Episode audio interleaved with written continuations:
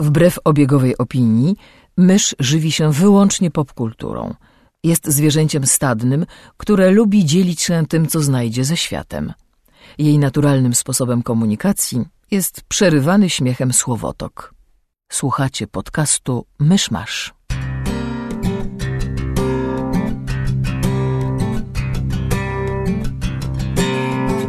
Gospodarzami podcastu Myszmasz są Krzysiek Ceran, redaktor portalu Avalon. Kamil Borek ze studia Kobart. i Mysz, autorka bloga Mysza Mówi. Drodzy słuchacze, jest 23 lutego 2015 roku, rocznica śmierci Stanisława Leszczyńskiego oraz urodziny Emily Blunt i Dakoty Fanning. Zapraszam do 91 odcinka podcastu Myszmasz.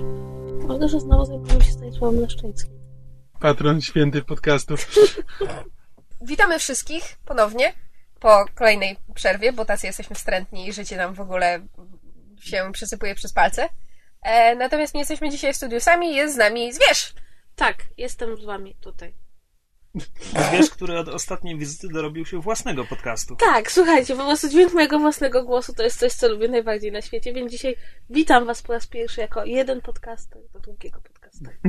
Ty się tak tutaj, wiesz, nie, nie, nie pręż, dlatego że z tego co wiem, jutro też idziesz na kolejne nagranie zupełnie innego podcastu. Tak, ale ogólnie rzecz biorąc, aha, obiecałam, Boże, zdradzę znasz w całym mieście. Nawet się, nawet się z tym nie kryjesz. no bo poznałam słodki smak zdrady i nie jestem w stanie wrócić na, na, na, na drogę porządnego prowadzenia się, ale obiecałam, że będę promować nasz podcast. Ja teraz powiem, jak się nasz podcast nazywa. Ja mam ten drugi podcast, który się nazywa Zombie vs. Zwierz, gdzie rozmawiam z Pawłem o to, co jest trudne, bo mieszka w Krakowie i nie mogę do niego po prostu przyjść, nie możemy usiąść i tego nagrać. E, dobrze, to w ramach e, tre, zachowania tradycji, co kto ostatnio skonsumował był? No to byliśmy, byliśmy we dwójkę z myszą na Kingsman. I bardzo nam się podobało. Zwie, zwierz też był, bo zwierz napisał notkę. Tak, byłam, byłam na Kingsman. Ale jakby moja opinia, wydaje mi się, jest e, bardzo e, skażona tym, że mi się podobał bardzo niewielki element, który zepsuł mi cały sens, ale nie jestem jakby, nie będę się bić i bronić, że Kingsman to jest zły film, czy, czy, czy film, który nie przynosi frajdy. No tak, jest, jest trochę głupich dowcipów, które kompletnie jakby są z innej bajki. I jakby wciąż Kikas mi się podoba bardziej. Wiem, że Kikasa ty też nie lubisz. E, Ale to może parę słów o co chodzi. Kingsman to jest ekranizacja komiksu e, Marka Millara, dobrze mówię? E, w reżyserii Matthew Vona, czyli pana odpowiedzialnego za, a właściwie obu panów odpowiedzialnych za Kikesa. Em, I opowiada o tajnej służbie eleganckich szpiegów, e, którzy Brytyjskich szpiegów. brytyjskich szpiegów, tak? Bo to, że eleganccy to nie wystarczy, e, którzy tam re- rekrutują. bryty- brytyjskich szpiegów, ale ponad podziałami, bo to nie jest rządowa agencja. Tak, jest Brytyjskich niezależny. szpiegów krawców, powiedzmy sobie. Tak, brytyjskich szpiegów krawców, e, naśladujących trochę em, rycerze króla Artura i okrągły stół. No i jakby poznajemy fabułę z, e, poniekąd z punktu widzenia młodego chłopaka, który jakby zostaje zwerbowany przez tę agencję. E, No i tam w, w grają Colin Firth, gra Samuel L. Jackson, e, kto tam jeszcze gra? Mark Hamill. I jest to taki Max Strong jeszcze. o, tak. Em, jest to taki ukłon w stronę em, kina i tele, e, ki- kina szpiegowskiego z lat 60. i telewizji, takich seriali jak Revolver i Melonik, czy The Man from Uncle i też poniekąd Bondów, ale tych jakby starszych, prawda, czyli z epoki powiedzmy Mura i Connerego i nawet jakieś ukłony do Davida Nivena w Są Casino Royale. bardzo różne epoki. To... Tak, ale wiesz, to, to jest strasznie, strasznie jakby posklejany film i przemieszany. Ale tak wizualnie jest taki, takich no, y, nawiązań, że się tak wyrażę, które bardzo łatwo złapać, no to jest przede wszystkim epoka Connerego, te bondy, do których oni się, do których nawiązują, prawda, no, taki żart z, z pozdrowienia z Rosji, prawda, z, z morderczym butem. I ja jakby mam z tym filmem, znaczy nawet nie tyle problem, bo bawiłam się na nim fenomenalnie i właściwie samo już otwarcie strasznie mi się spodobało, ale to jest dlatego, że em, to jest film, który bardzo umiejętnie moim zdaniem korzysta z, z muzyki i po prostu jakby kombinacja konkretnych utworów z tym, co się dzieje na ekranie jest fenomenalna. I jakby zgadzam się z, z twoimi zwierzu, e, nazwijmy to, uwagami odnośnie em, o, ostatniego aktu filmu i jakby ostatniej sceny kończącej. Nie będziemy spoilować o co chodzi, ale A byłoby się bez tego. tak, po prostu gdyby uciąć tę scenę 4-5 sekund wcześniej, byłoby równie... Równie zabawnie i przyjemnie, a człowiek nie miałby pewnego, przynajmniej część ludzi nie miałby niesmaku. pewnego niesmaku. Tak. Tak, dokładnie. W każdym razie, jeżeli ktoś, ktoś lubi właśnie, prawda, starych, dobrych, eleganckich szpiegów z lat 60. i stare Bondy i podobał się Kikes, to, to myślę, że warto na Kingsman pójść. No tak czy inaczej, warto pójść, nawet jeśli komuś się nie spodoba film, to warto pójść dla jednej sceny, Tak. tak z kościele. Tak. Bo jest niesamowicie nakręcona. I, i, i jest, przede wszystkim jest świetnie nakręcona, jest właśnie fantastycznie dobrana muzyka, jest y, jakby działa na widza na, na jakby więcej niż jednym poziomie i naprawdę akurat ten, ten rzeczywiście test dla tej sceny myślę, że warto pójść i zobaczyć, zwłaszcza na dużym ekranie, bo to jednak oglądane, prawda, w domu tam na telewizorze czy coś za parę miesięcy moim zdaniem nie będzie robiło takiego dużego wrażenia. No dobra, a ja mam jedno pytanie. Ponieważ to jest wzorowane na komiksie Millara, Millar to jest scenarzysta, który od dobrej dekady coraz bardziej szokuje dla samego szokowania. I czy w tym filmie są takie chwyty? Tak? Może powiem, co mam na myśli. Komiks Superior.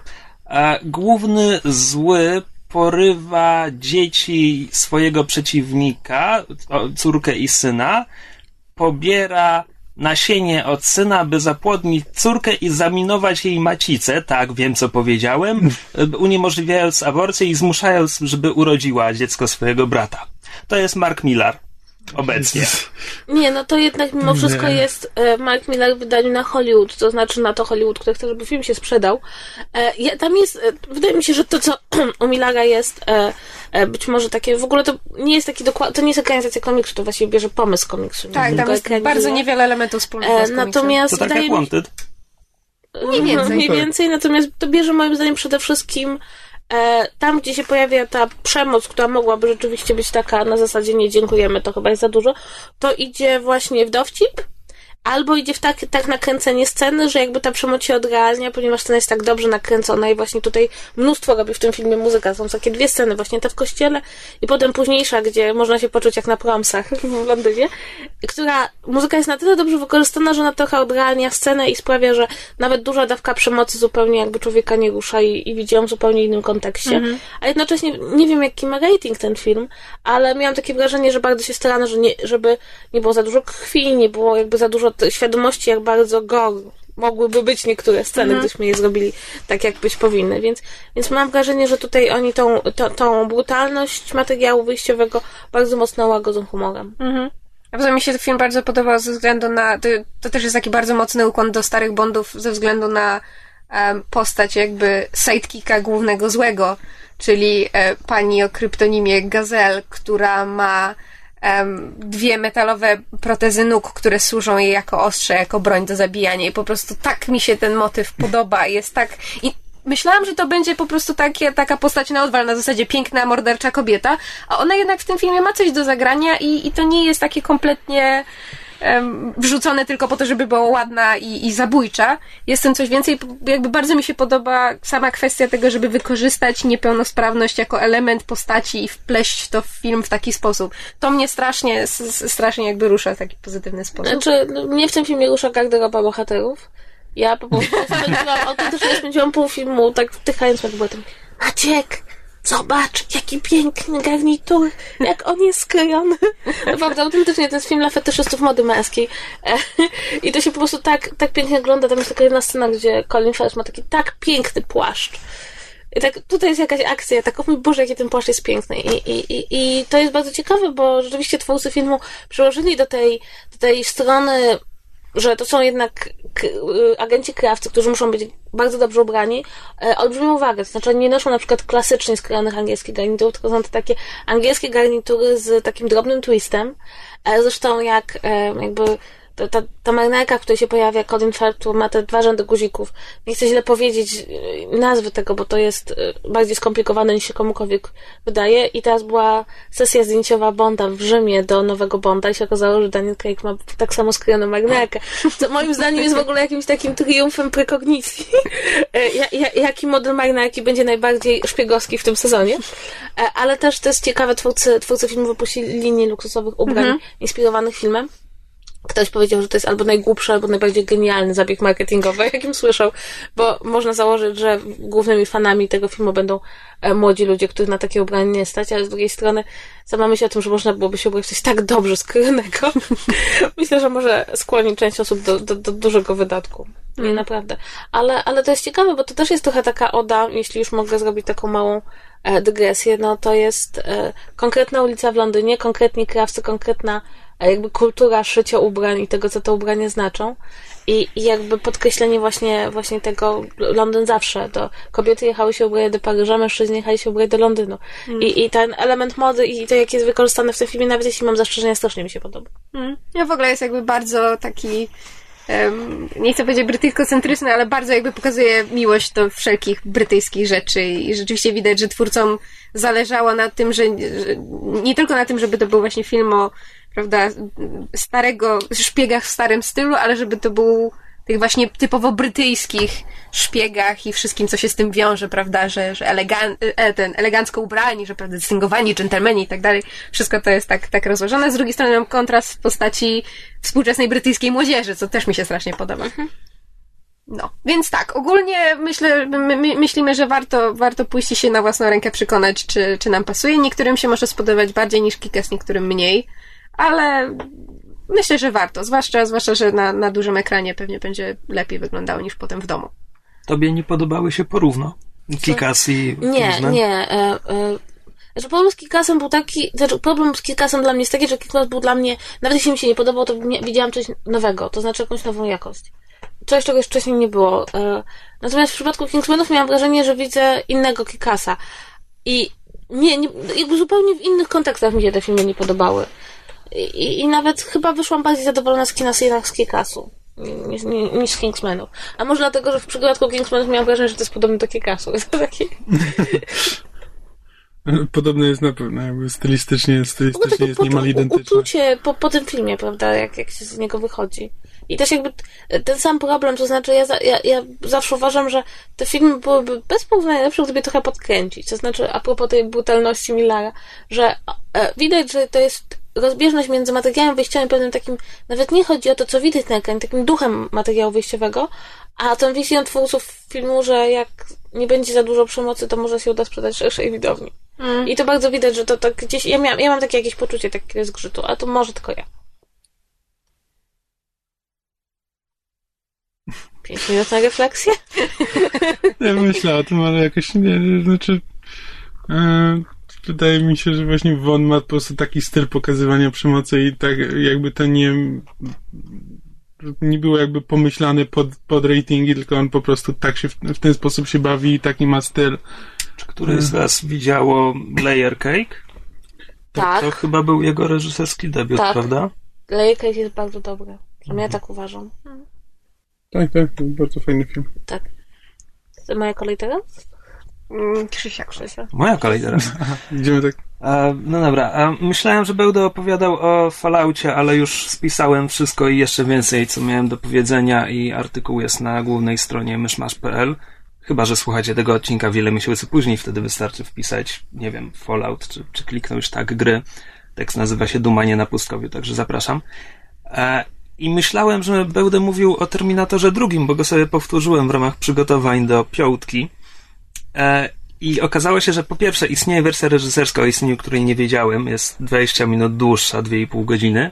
Po drugie, chyba minęło ponad 10 lat, gdy ostatni raz widziałem Terminatora 2 i wcale nie pamiętałem go tak dobrze, jak mi się wydawało. I po trzecie, jest dużo lepszym filmem, niż mi się wydawało. Jakby i jako film akcji, bo ma napięcie i w ogóle, i efekty są super. E, jasne, efekty przy T-1000 się postarzały, przez co wygląda jak komputerowo wygenerowana rtęć, ale tym właściwie jest, więc to pasuje i nie mam zupełnie zastrzeżeń. A strasznie mnie zaskoczyła Sarah Connor. Po prostu znaleźć tak złożoną i dobrze napisaną bohaterkę w filmie akcji dzisiaj jest... Nie wiem, nie mam kontrprzykładu. Także Terminator 2 jest super, jeśli ktoś ma tylko listę wspomnienia z dzieciństwa, tak jak ja, to polecam, żeby sobie odświeżył. I wreszcie, o czym będę mówił, e, to gra Sunless Sea, która jest jest dziwna. Jest kontynuacją, nie kontynuacją. Rozgrywa się w tym samym świecie, co przeglądarkowa gra przygodowa Fallen London.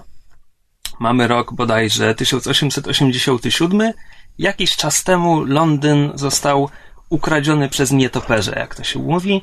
E, Znajduje się teraz pod ziemią, w takiej ogromnej, ogromnej pieczarze, otoczony, e, nie otoczony, nad brzegiem podziemnego oceanu, tytułowe Sunless Sea. E, I jest to świat, a i graniczy z piekłem i, i takie tam. Mm, I jest to świat taki trochę, trochę steampunk, trochę mm, nie Lovecraft, ale taki właściwie taki Lovecraft przefiltrowany przez Minole, jak w Hellboyu, gdzie to są wiesz, to są takie rzeczy, które niby są straszne, ale są opisane w taki dystyngowany sposób, że to jest jednak śmieszne. I to jest bardzo fajne. E, I sam przeglądarkowy Fallen London to jest po prostu gra tekstowa oparta na mechanice Story Nexus, gdzie potrzebujesz zbierać zasoby, żeby odblokować kolejne możliwości, kolejne historie. I te zasoby to są albo jakieś fizyczne przedmioty, które posiadasz, albo abstrakcyjne rzeczy takie jak e, o, morska opowieść, czy e, dobrze przespana noc. Możesz mieć trzy dobrze przespane noce w swoim ekwipunku. Mm. I Sunless Sea wykorzystuje ten sam mechanizm, ten sam mechanizm Story Nexus, to gromadzenie tych, tych różnych przedmiotów, tylko nie jest grą przeglądarkową, nie jest grą stricte tekstową, e, bo kiedy jakby to jest główna treść gry. Główna treść gry jest zawarta w tekście. W tekście, który jest bardzo fajnie napisany. Jest świetnie napisany.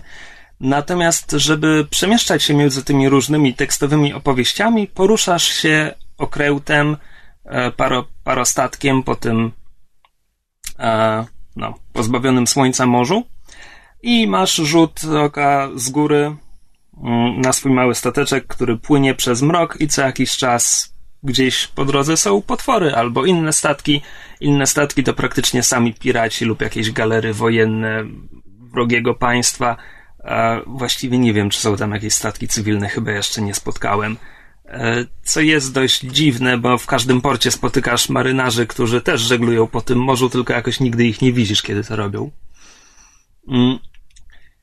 I właściwie problem, problemy z grą zaczynają się właśnie, kiedy nie masz do czynienia z tekstem, tylko, tylko z samą rozgrywką poza tekstem. Bo to pływanie jest, e, jest bardzo powolne, co w sumie buduje klimat i to nie jest problem. Natomiast walka jest kiepska. E, Straciłem parę statków na początku, zanim zrozumiałem, jak ona działa. A jak już zrozumiałem, no to zrozumiałem, że po pierwsze należy jej unikać, kiedy tylko można, bo praktycznie nic nie daje. A jak już trzeba walczyć, to przeciwnicy, zwłaszcza jeśli to jest wrogi statek, są tak zaprogramowani, że jeśli wsiądziesz im na ogon, to oni, oni ci nie zgubią, po prostu nie będą w stanie.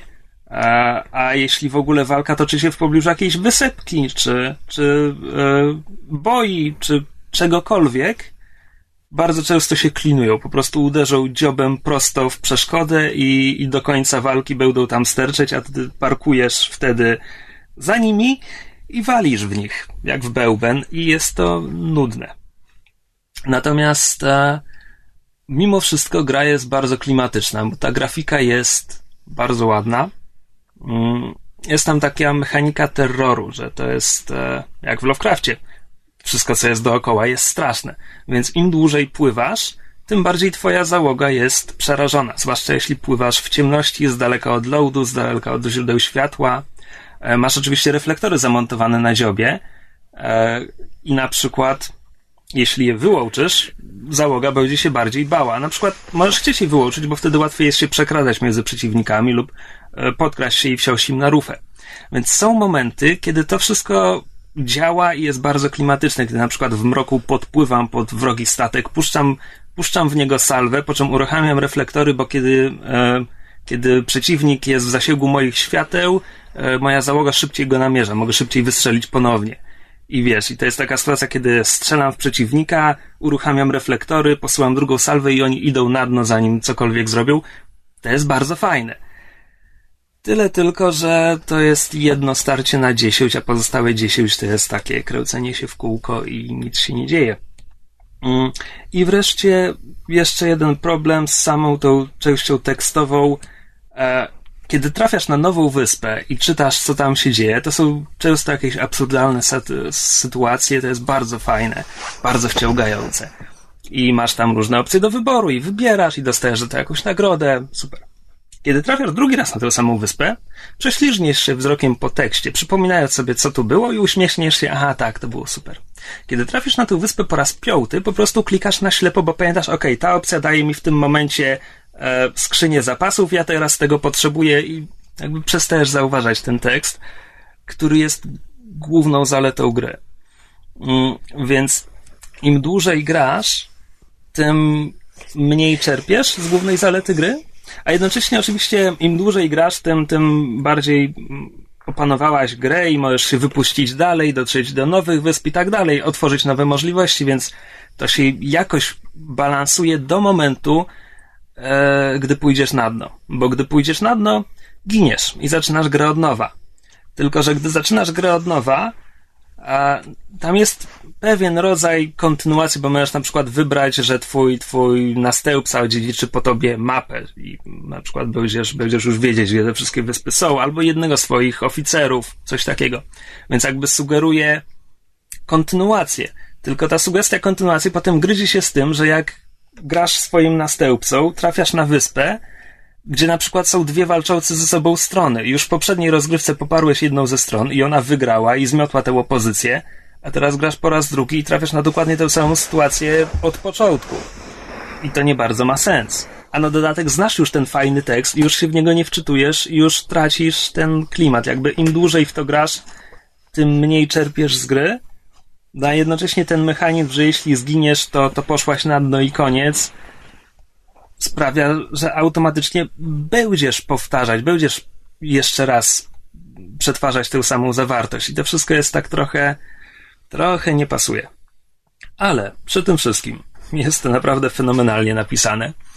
E, więc jeśli kogokolwiek zainteresowało to, co mówię, to przede wszystkim polecam najpierw, żeby weszli na Fallen London, czyli darmową grę przeglądarkową i tam sobie sprawdzili, czy ten styl im pasuje. Jeśli, jeśli stwierdzą, że to jest fajnie napisane i to jest śmieszne, wtedy można, można grać w Sunless Sea. I jeszcze druga sprawa, trzeba znać angielski, wydaje mi się, że w stopniu bardzo dobrym. Bo to jest mimo wszystko trochę stylizowane na XIX-wieczną powieść, słownictwo bywa bardzo, bardzo dziwne, więc trzeba znać angielski dobrze, żeby to w ogóle zrozumieć, a potem trzeba znać angielski bardzo dobrze, żeby załapać, kiedy twórcy zaczynają się bawić w słowotwórstwo. No. I to jest Sunless Sea główna zaleta całej tej twojej wypowiedzi jest taka, że teraz mam ochotę zagrać z powrotem Fallen London, a kompletnie nie mam ochoty zagrać tak, w Sunless Sea. Tylko Fallen London ma, jest grą przeglądarkową, więc masz tam limit akcji, które możesz na raz podjąć i to ci tak sztucznie ogranicza, że musisz albo przychodzić tam co 5 godzin, żeby w to poklikać, albo grasz raz na tydzień. I ja się strasznie dobrze bawiłem przy Fallen London, do momentu, w którym, żeby odblokować jakiś następny rozdział opowieści, musiałbym grindować podnosząc jedną cechę o 20 punktów no i tak. wiem, że to by mi zajęło po prostu 3 miesiące i stwierdziłem, że w ogóle nie mam na to ochoty. Mhm. Sunless jakby sam narzucasz tempo opowieści. Chcesz jakby zagrać w coś, w co jeszcze nie grałeś? Płyniesz w nieznane, tam coś będzie. Tylko to też trochę brzmi, że tam gdzie w Fallonem to po prostu okej, okay, dobra, skończyły mi, skończyła mi się pula akcji, no to teraz sobie wyłączę, zrobię coś innego, a potem wrócę. A Sunless brzmi trochę tak, jakby okej, okay, to skończyły mi się akcje w tym miejscu, to teraz popłynę przez, e, przez dłuższy czas, żeby dotrzeć do jakiegoś innego miejsca, i wtedy zacznę, zacznę znowu. Zamiast sobie poczekać, to po prostu muszę siedzieć przy komputerze i robić coś, co jest nieciekawe z twojego, z twojej wypowiedzi.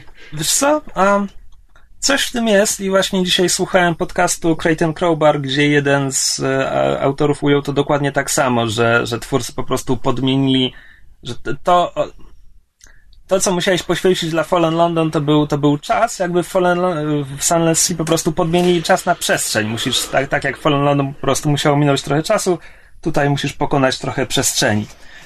E, I tak, jak najbardziej masz rację. Hmm. No to szkoda.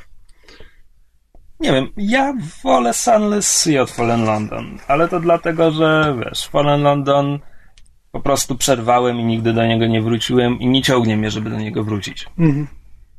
Jest. Więc ja byłam w kinie e, na Into the Woods. E, takoż. Tak. I e, zacznę od tego, że w ogóle Przepraszam, mm, jak to się po polsku nazywa? tajemnice lasu. Obviously. Pani Zosia kontratakuje. Um, I ogólnie rzecz biorąc, miałam takie jakieś dziwne, dziwne, nawet nie czytałam recenzji, miałam takie sygnały, że to nie jest dobry film. Co mnie bardzo zmartwiło, bo ja bardzo na ten film czekałam i w ogóle e, każda ekranizacja musicalu mnie bawi, a już Sondheima bawi mnie bardziej. Zwłaszcza tak jest. Zwłaszcza, więc w ogóle bardzo był to film, na który czekałam i zresztą miałam takie y, niepokojące wrażenie, że on miał premierę w grudniu, 25 grudnia w Stanach Zjednoczonych, po czym zrobiło się cicho. Co nie jest do końca, znaczy oczywiście Meryl Streep dostała nominację do Oscara, no ale to jakby jest tak naturalne, że, że, że nie liczyłam tego jako rozgłos w związku z filmem, natomiast zwróciłam uwagę, że ludzie nawet nie poszli do kina, że, że w Polsce promocja była bardzo wyciszona, w ogóle ten film trochę tak wszedł e, e, bocznymi drzwiami.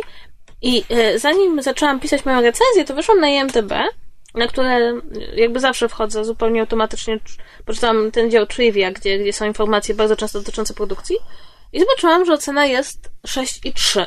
Co jest oceną Em, przeciętnie złych filmów. jakby, e, żeby dać jakieś porównanie, które w przypadku moim tak wywołał we mnie po prostu głęboki stan szoku, jest taki koszmarna komedia romantyczna o kobiecie, która umiera na raka e, e, e, raka jelita grubego, nazywa się Little Bit of Heaven i ma na IMDb 6,6. A to jest film, którego się nie da oglądać, jest tak zły. E, I zaczęłam czytać recenzje użytkowników, bo to one o tym przesądzają. I natrafiłam na niesamowite zjawisko socjologiczne, polegające na 40 stronach jednogwiazdkowych recenzji ludzi, którzy myśleli, że idą na zupełnie co innego do kina.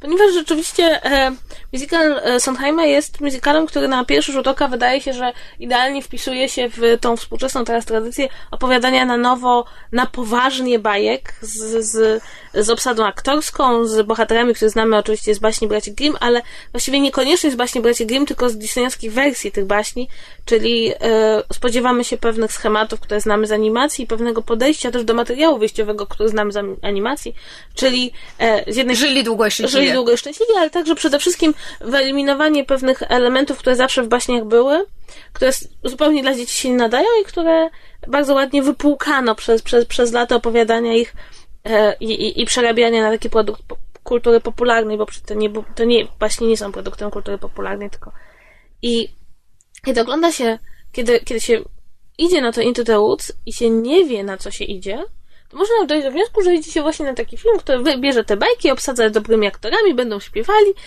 No taki, tak jak Królewna Śnieżka i Łowca, prawda? Tylko, że z piosenkami. Tylko, że z piosenkami. A potem idzie się do kina i okazuje się, że jest to musical, który absolutnie nie odwołuje się do tego e, schematu baśni e, znanych z Disneya, tylko odwołuje się dużo, dużo bardziej do tego materiału wyjściowego, czyli do baśni Baci Grimm, które już z samej swojej natury są dużo bardziej ponure. A po drugie bierze od nich to, co jest jakby em, też e, charakterystyczne, to znaczy brak happy endu. I, i te, te, te tony tych negatywnych recenzji mówią, że przez pierwszy akt wszystko jest w porządku. I rzeczywiście. Znaczy, tak, bo to jest wszyscy mówią na zasadzie, że no, film był dobry do sceny ślubu, ale już reszta to była zupełnie niepotrzebna. Ten twist to w ogóle bez sensu. A to, I to jest po prostu to jest drugi akt, to jest sedno całego tak, sedno, spektaklu. tak, no. bo, bo jakby przez pierwszy akt obserwujemy bohaterów, mamy jakby taką centralną parą, to jest piekarz i żona piekarza, to zresztą też jest bardzo charakterystyczne, to nie są postacie, które e, na przykład Disney wziął i przerobił, bo są Znaczy, to są postacie oryginalne, są- nie wzięte z baśni, są Tak. wymyślone przez Sondheima i Lapina, czyli Tak, jego tak. autora e, książki do spektaklu. Tak, ale jakby wątki, które oni mają problem, z tymi oni mają problem, pojawiały się już w innych baśniach. Mamy, e, mamy Czerwonego Kapturka, mamy Kopciuszka, Roszponkę. Roszponkę. No i te postacie się pojawiają, mają swoją fabułę, wszystko rozgrywa się w, w lesie. I do połowy się wydaje, że wszystko idzie tak, jak miało iść i zawsze, zawsze się tego spodziewaliśmy, a potem przychodzi drugi akt. E, Drugi akt, który jakby bardzo dużo osób za, zarzuca mu, że on jest chaotyczny, co jakby wynika z jego dużej teatralności. To znaczy bardzo widać, że kino nie jest do końca w stanie oddać tego sposobu prowadzenia narracji, który w teatrze jest zupełnie naturalny. I w tym drugim akcie wszyscy spotykają się z konsekwencjami tego, co zdarzyło się w pierwszym akcie i tego, czego sami sobie życzyli dla siebie. E, I muszę powiedzieć, że tak, film się po prostu doskonale ogląda, przynajmniej Nie, ja jest tak uważam. Jest fenomenalnie nakręcony. E, W ogóle się jakby nie czuje tego trwania tego filmu i, i też jakby bardzo dobrze, mimo wycięcia pewnych wątków, bo jednak wycięto pewne wątki, e, są dwie interpretacje ja uważam, że są słuszne. Jedna taka, że Disney uznał część wątków za zbyt drastycznych, jak na tego typu produkcję, a druga, moim zdaniem, bliższa sercu jest taka, że po prostu, o ile możesz wytrzymać trzy godziny w teatrze, na musicalu, o tyle w kinie nie. Znaczy, ja, się, ja się zgadzam, dlatego że ja po obejrzeniu filmu obejrzałam na YouTubie jest pełna wersja um, Into the Woods, ta, na, nazywana oficjalną, zrobiona przez American Playhouse dla telewizji. Um, I jakby można palcem pokazać fragmenty, które Sondheim wyciął, wiedząc dobrze, co robi. To znaczy, on wyciął fragmenty, które nic nie odbierają z całości sztuki, a jakby nie są. Znaczy, nic, nie, nic, nic tak naprawdę nie tracisz, zabierając konkretne e, elementy. To, że na przykład Disney spłycił pewne wątki, na przykład kwestie e, wydźwięku erotycznego wątku Czerwonego Kapturka i Wilka, albo na przykład kwestie niewierności, które się przez cały film przewijają, też Disney troszeczkę ładził w porównaniu z, ze spektaklem, co nie zmienia faktu, że jakby najistotniejsze rzeczy zostały powiedziane i można ten wątek nadal, te, te wątki tak, nadal to znaczy odczytać. ogólnie też warto, warto powiedzieć, że scenariusz napisał autor, e, autor, e, Boże, jak to się nazywa po polsku, no, libretta No, do... no tak, no, to się nazywa książka, bo to jest książka do Właśnie to spektaklu. słabe, co tam powiedziałam, książkę tak, nie, to nie jest nazwa po polsku, no, w każdym razie, więc jakby nie, nie jest za to, że zabrano, zabrano materiał wyjściowy twórcom i pocięto. Nie, twórcy usiedli i oni to zrobili na własną rękę i wyszło I to bardzo jest dobrze. bardzo ciekawy przypadek kina, z którego człowiek wychodzi pełen, pełen potrzeby rozmawiania o, o, o tym, co bohaterowie, jakby jak widzi bohaterów, jak widzi ich decyzje, jak widzi metaforę, którą jest jakby cała ta sytuacja, ponieważ powiedzmy sobie szczerze, to nie jest, nawet przez moment nie jest to historia o postaciach z bajek. E, I też e, jakby to ciągle powracają tam różne wątki, można na wielu płaszczyznach ten, ten film oglądać. Dla mnie do tego wszystkiego jeszcze to jest absolutnie przecudowne, ponieważ wybrano nareszcie, nareszcie po latach unikania tego straszliwego procederu, wybrano do e, filmu ludzi, którzy umieją śpiewać. Co jest dla mnie przynajmniej e, olbrzymią ulgą, ponieważ jednak Sondheim to jest trud, trudny dla, dla nie, może nie dla słuchacza, bo akurat wydaje mi się, że ta aranżacja jest bardzo przyjazna słuchaczowi. Znaczy, co, aranżacja osoby- filmu jest o wiele bardziej przyjazna niż No właśnie, samego tak, spektaklu. tak, to właśnie. mówię, mówię, Wyczyszczenie w studiu bardzo wiele temu dało. Tak, natomiast jeszcze chodzi mi o to, że głosowo to jest trudne, ponieważ Sondheim jest jednym z najtrudniejszych do, do wykonywania. to, nie są, to nie są piosenki, to znaczy to jest pewne, pewien sposób jakby muzycznego melorecytowania takiego. melorecytowania, gdzie czasem pojawia się linia, silna linia melodyczna, ale jednak przede wszystkim osoba, która śpiewa musi, musi e, przekazać treść, a nie, a nie melodię. Czy mi podać jakieś przykłady muzykali Sondheima, to może A, Sweeney Todd. Sweeney Todd to jest główne, główne takie, Aha. główne takie dzieło. Zresztą melodyjnie bardzo podobne jest to O, Jezus Maria jest identyczne, przecież myśmy po skończeniu filmu zaczęli, wy, wy, za, zaczęli śpiewać Sweeney Todda zamiast Into the Woods. Bo na przykład Children Will Listen i Joanna mi się tak strasznie, strasznie są ale- podobne. Słuchaj, wiesz, ja jestem w stanie o, o, puścić Into the Woods i palcem pokazać, który fragment odnosi się do którego z Sweeney Todda. I to samo jest z Company, który też jest z Sondheima. Ale- Też jest do obejrzenia na YouTubie, jakby ktoś był zainteresowany z Nilem Patrickiem Harrisem w, gło- w to jest bardzo dobry To jest komponent. fenomenalne. Tak. Nie, ale w każdym razie słucha się tego miło, aktorzy umieją śpiewać, aktorzy umieją grać i, i to jest też przynajmniej ja byłam po prostu tak zachwycona, kiedy się okazało, że, że nie muszę siedzieć godzinę i myśleć sobie wszystko pięknie, tekst piękny, muzyka fajna, tylko dlaczego do główną rolę gra ktoś, kto nie ma głosu. I, i, i co się bardzo często zdarza. Jedyna osoba, która chyba moim zdaniem tak odstaje głosowo dosyć wyraźnie, to jest Chris Pine, to ma po prostu głos no, on, z, jego głos tak zalatuje Sinatrą, że się tak wyrażę. Natomiast ma tak cudowne sceny w tym filmie, że w ogóle do 6 sekund człowiek myśli o tym, że głos mu nie pasuje, a potem bierze go całego i po prostu jest tak cudownie. Nie spodziewałam się po Pine, że potrafi tak, tak, tak zagrać. Więc jakby i, i, i wydaje mi się, że rzeczywiście problem z tym filmem polega na tym, że obejrzały go zastępy ludzi, które nie chciały obejrzeć, że nawet może nie to, że nie chciały obejrzeć tego filmu, tylko nie wiedząc na co idą, e, nie zrozumiały do końca, co oglądają. O, w ten sposób. E, i, I powiem szczerze, że jakby wydaje mi się, że należałoby wprowadzić jakąś kampanię informacyjną e, na zasadzie, nie wiem, kupujesz bilet i pani w kasie ci mówi, tylko wie pan, to nie jest film dla dzieci, to jest na podstawie bardzo znanego musicalu i e, historię należy rozumieć metaforycznie. Proszę się dobrze bawić. Może przy sprzedaży biletów powinni wprowadzić takie strzeżenia, ale szczerze, na przykład na moim seansie, który był o 22, polski dystrybutor wprowadził film wyłącznie z napisami. E, cztery osoby weszły po, po jakichś 30 minutach. Mam wrażenie, że to były te osoby, które nie doczytały, że to jest musical, co w Polsce było możliwe, bo oni to bardzo ukrywali w Polsce, że to jest musical. Natomiast e, e, bardzo dużo relacji mam znajomych, że byli na, na sali, na której były dzieci i to jest, e, wydaje mi się, że to jest o tyle niedobre dla dzieci. Ja nie jestem zwolenniczką tego, że dzieci muszą oglądać wyłącznie troskliwe misie, ale po prostu to jakby, jakby to jest ciągle ten sam problem. To, że odwołujemy się do treści baśni nie oznacza, że to jest dla dzieci. Zwłaszcza, że przecież baśnie te jako opowieści ludowe to nie jest to, że one były dla dzieci i, i wy, wy, wychodziły. Że oczywiście opowiadano jej dzieci, jakby słuchały i chłonęły. Bo dzieci słuchają. Tak, te informacje, które w nich są. Natomiast no jakby nikt tego nie pisał pod, pod dziecięcą psychikę, prawda? I na przykład jeden z największych zarzutów, jaki spotkałam w Stanach Zjednoczonych, e, wiążący się z tym, że Disney postanowił udawać, że w tym filmie Johnny Depp ma dużą rolę, a nie pojawia się w filmie na 5 minut, dosłownie, e, polegał na tym, że oni się wsłuchali w piosenkę Wilka, który kusi e, czerwonego i doszli do wniosku, że to strasznie pedofilią im zalatuje. I No, nie przyszło bo- im do... They know nothing. Właśnie, po pierwsze nie słyszeli wersji oryginalnej.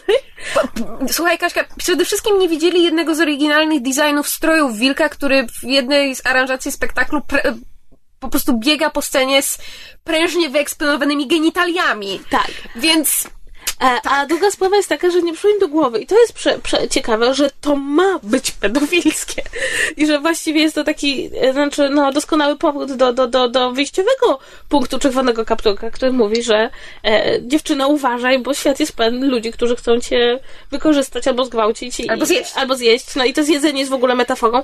W każdym razie, e, w każdym razie e, to jest bardzo, naprawdę bardzo fajne, dobre i, i polecam każdemu, żeby się załapał do kina, bo też e, jest to wizualnie moim zdaniem fajnie zrobione, bo e, film nie miał wielkiego budżetu, nie postawił na efekty specjalne, nie postawiono na 3D, czy w ogóle podobny pomysł był podobny taki, żeby to nakręcić w 3D, po prostu pomysł, żeby to nakręcić. To pokazuje, jak bardzo może, jakby nawet sam Disney chyba nie do końca wiedział, co ma w rękach. Natomiast, natomiast bardzo polecam to zobaczyć, bo jest to film, który daje taką niesamowitą satysfakcję oglądania czegoś, o czym potem można bardzo długo rozmawiać, interpretować i zostaje w człowieku bardzo dużo, em, bardzo dużo takich myśli i przemyśleń, którymi się chce podzielić. Więc ja byłam naprawdę zachwycona. To było coś, to jest coś, czego ja oczekuję od kina, że pójdę i dostanę coś, o czym mogę potem bardzo długo gadać. Więc bardzo polecam. No to jest jedna z najlepszych, po pierwsze jedna z najlepszych ekranizacji ostatnich lat, po pierwsze jedna z najlepszych adaptacji sztuk, już pomijam, że musicali, a po trzecie jest fenomenalnie, jakby już, już na konkretnym przypadku przeniesienia Sondheima na ekran jest naprawdę fantastycznie zrobione. I ja też miałam takie wrażenie, jeśli mogę, mogę jakoś skończyć, żeby się nie za bardzo zgadać, że Ja nie wiem, może Kamil jeszcze chciałby coś powiedzieć, bo ty też film widziałeś, ale tak siedzisz cicho. Nie, no w zasadzie, że powiedziałeś się wszystko, co ja mogłem. Ehm, No ja, ja chciałam powiedzieć, że mi przyszło do głowy jeszcze jedna myśl i to, która mnie tak nie opuszcza, że gdyby Disney było odważniejsze i, i jakby nie, zostawił jeszcze kilka takich rzeczy tam wyciszonych, puścił film trochę później, znaczy trochę jakby trochę w innym kontekście, to mam wrażenie, że dzisiaj w, tej, w, tej, w, tej, w tym spisie filmów, które walczą o Oscara, czy właściwie walczyły o Oscara, e, Tajemnica Lasu czy, czy Into the Woods pojawiałoby się dużo częściej. Bo jeśli Chicago mogło dostać nagrodę, to ja nie widzę powodu, dla którego Into the Woods nie miałoby być Nie, równie się docenione. absolutnie z tym zgadzam. nie wiem, ja wcale nie jestem przekonany. Znaczy, jakoś tak... Znaczy, mam wrażenie, że to jest po prostu kwestia jakby, kwestia filmu, jakby materiału źródłowego, że to jest taki materiał, gdzie niezależnie co powiesz ludziom, e, znaczy, o ile im nie powiesz wcześniej, wiesz dokładnie o czym jest ten film, to i tak ci nie uwierzą. To i tak jak zobaczą musical o bajkach, to i tak potem się będą pieklić, że, że, że to nie jest bajka. Znaczy, że, ni- że, że, nikt cię, że, że nikt mnie nie uprzedził, że to, że to miało być aż takie. Ale Tak. może gdyby nie dali temu PG-13, o które tak straszliwie Disney walczył, gdyby to miało Erkę, e, to ludzie może by się zorientowali, że, że, że coś jest na rzeczy i nie jest to produkcja dla dzieci. Nie, ale wcale. Znaczy, ja bym się nie bał zabrać dziecka. Znaczy, wiesz, no nie wiem, może nie tam, nie wiem, sześcioletniego, ale. Ale to nie chodzi, ja ci coś powiem szczerze, polega na komu tym, że... się zabrać, bo ja się pogubiłem. E, ja, ja nie mówię o tym, że to jest zbyt okrutne, bo nie jest, tylko chodzi o to, że dziecko nie zrozumie. Znaczy po prostu nie jest w stanie dostrzec wszystkich tropów interpretacyjnych, jakie tam są. Tak, ale to I- jakby i- niczemu nie szkodzi, bo to, że ich nie dostrzeże na początku. Ja właśnie e, przy okazji tego przypomniało mi się co- coś, e, epizod z mojego życia, który, o którym zupełnie zapomniałem, że mnie kiedyś rodzice zabrali na American Zastawili w Beauty. lesie i tam był wilk. Nie, po prostu, bo nie wiem czemu, zdawało mi się, że to jest po prostu jakiś tam dramat, nie pamiętam nawet jaka była dokładnie logika, czemu poszliśmy akurat na American Beauty, szczególnie, że my nie jesteśmy rodziną, która często chodziła do kina, jest tylko na jakieś większe, większe premiery. I ja jakby sprawdziłem, z którego roku jest American Beauty. Ono w Polsce miało premierę w 2000 roku. To znaczy, że ja miałem około 13 lat, kiedy to po raz pierwszy zauważyłem. I właśnie i moi rodzice powiedzieli dokładnie to samo, że jakby nie, nie, nie e, stwierdzili po spektaklu, że no, tam była nagość i, jest, Ale- i brutalność i że ten, tylko że stwierdzili, że no tak trochę, e, że szkoda, że to nie miało jakiegoś ograniczenia większego, bo po prostu młodsi ludzie nie zrozumieją. I rzeczywiście jakby ten, po, tylko że miałem cały czas ten American Beauty, jakby zaczynałem je rozumieć potem przez kolejne, przez kolejne trzy lata. W końcu zrozumiałeś piłkno od kwiałce w e, torebce powiewającej Tak, na wietrze. Nie, to, znaczy, ale ja widzę dużą różnicę między nastolatkiem a, a, a dzieckiem. Dla mnie problem polega na tym, że rzeczy, które, e, z tymi, które są za trudne, żeby zrozumieć jakby ich głębie dla dzieci, e, po, mogą zniechęcać. I bardzo często marnuje się dobry materiał wyjściowy na ludzi, którzy nie są w odpowiednim wieku i potem nie wrócą, bo pamiętają, że się wynudzili, pamiętają, że ich to nie bawiło. I biorąc pod uwagę, że i tak bardzo mało osób wraca do filmów i ma takie poczucie, że, że trzeba wrócić do materiału wyjściowego, dla mnie to, to na tym polega. Ja nie, zresztą e, jakby dla mnie jest różnica, czy zabiorę na coś 7-8-latka, czy 13-latka. Dla mnie większość 13-latków jest może oglądać 90% filmów dla dorosłych, rozumiejąc o co w nich chodzi, więc dla mnie to jest duża, duża różnica wiekowa. Zresztą oglądałam American Beauty gdzieś koło, koło chyba mają 14 lat i, i, i jakby Pamiętam, że strasznie mnie ten film wkurzył, jako koszmarnie egzaltowany. no. Więc idźcie na Into the Woods. Tak jest morał Tak. tej bajki. Tej bajki. Nie, przepraszam, baśni. Bajka to co innego. Ja wiem, wiem. Ja strasznie się męczyłam, jak pisałam tekst, żeby napisać wszędzie baśnie. Ja do dzisiaj czasami... Na, to nie jest to, że ja się świadomie mylę, tylko po prostu dla mnie bajka jest jakby słowem uniwersalnym, jest czymś takim jak Czekaj, czekaj, ale, film. jeśli, ale jeśli Nie, no the Woods jest musicalem, no to jest wierszowany Właśnie, miejscami. jest, jest wierszowany, ma morał, jakby ma no, zwierzęta. Ale nie jest krótką formą. Nie jest krótką formą. Słuchajcie, powiedzmy sobie szczerze, jedynie To jest ludzie... tylko kwestia z, z, e, odniesienia. Mam wrażenie, że jedynie ludzie, którzy mieli piątkę na tej klasówce w podstawówce, na której było pytanie, czym się różni baś od bajki, naprawdę się, mają... jak wiele osób Naprawdę jest mają. w internecie wytykać, że na przykład nazywam film animowany bajką. Co jest... Wszyscy mówią na Kiedy zasadzie mówisz bajki o animowanym Disneya. Batmanie, O, mm, nie, ale na przykład jak mówię, no, że, że obejrzałam wczoraj znowu tam którąś bajkę Disneya. O, to nie jest bajka, to jest film animowany albo animacja. Albo właśnie mówię coś tam bajki braci Grimm. To nie jest bajka, to jest baśń. Wielokrotnie mi to wytykano. ale jakby- A to jest skrót myślowy, przecież no... Ja, ja, to jest absolutnie wychodzę z założenia, że wszyscy się rozumiemy, jak ktoś mówi, że Kopciuszek jest bajką. I naprawdę nie potrzebujemy ludzi, którzy wyskakują, recytując nam definicję, bo wszyscy, to, wszyscy znają i definicję i potrafią podać różnicę i możemy sobie żyć spokojnie. To, to, to były wynurzenia blogerów, którzy mają kompletnie dosyć, jak ludzie uważają, że są... dobrze, dobrze. Słuchaliście podcastu Myszmasz. Możecie nas znaleźć na myszmasz.pl lub polubić nasz fanpage na Facebooku. Możecie nam także wysłać maila na myszmaszpodcast.gmail.com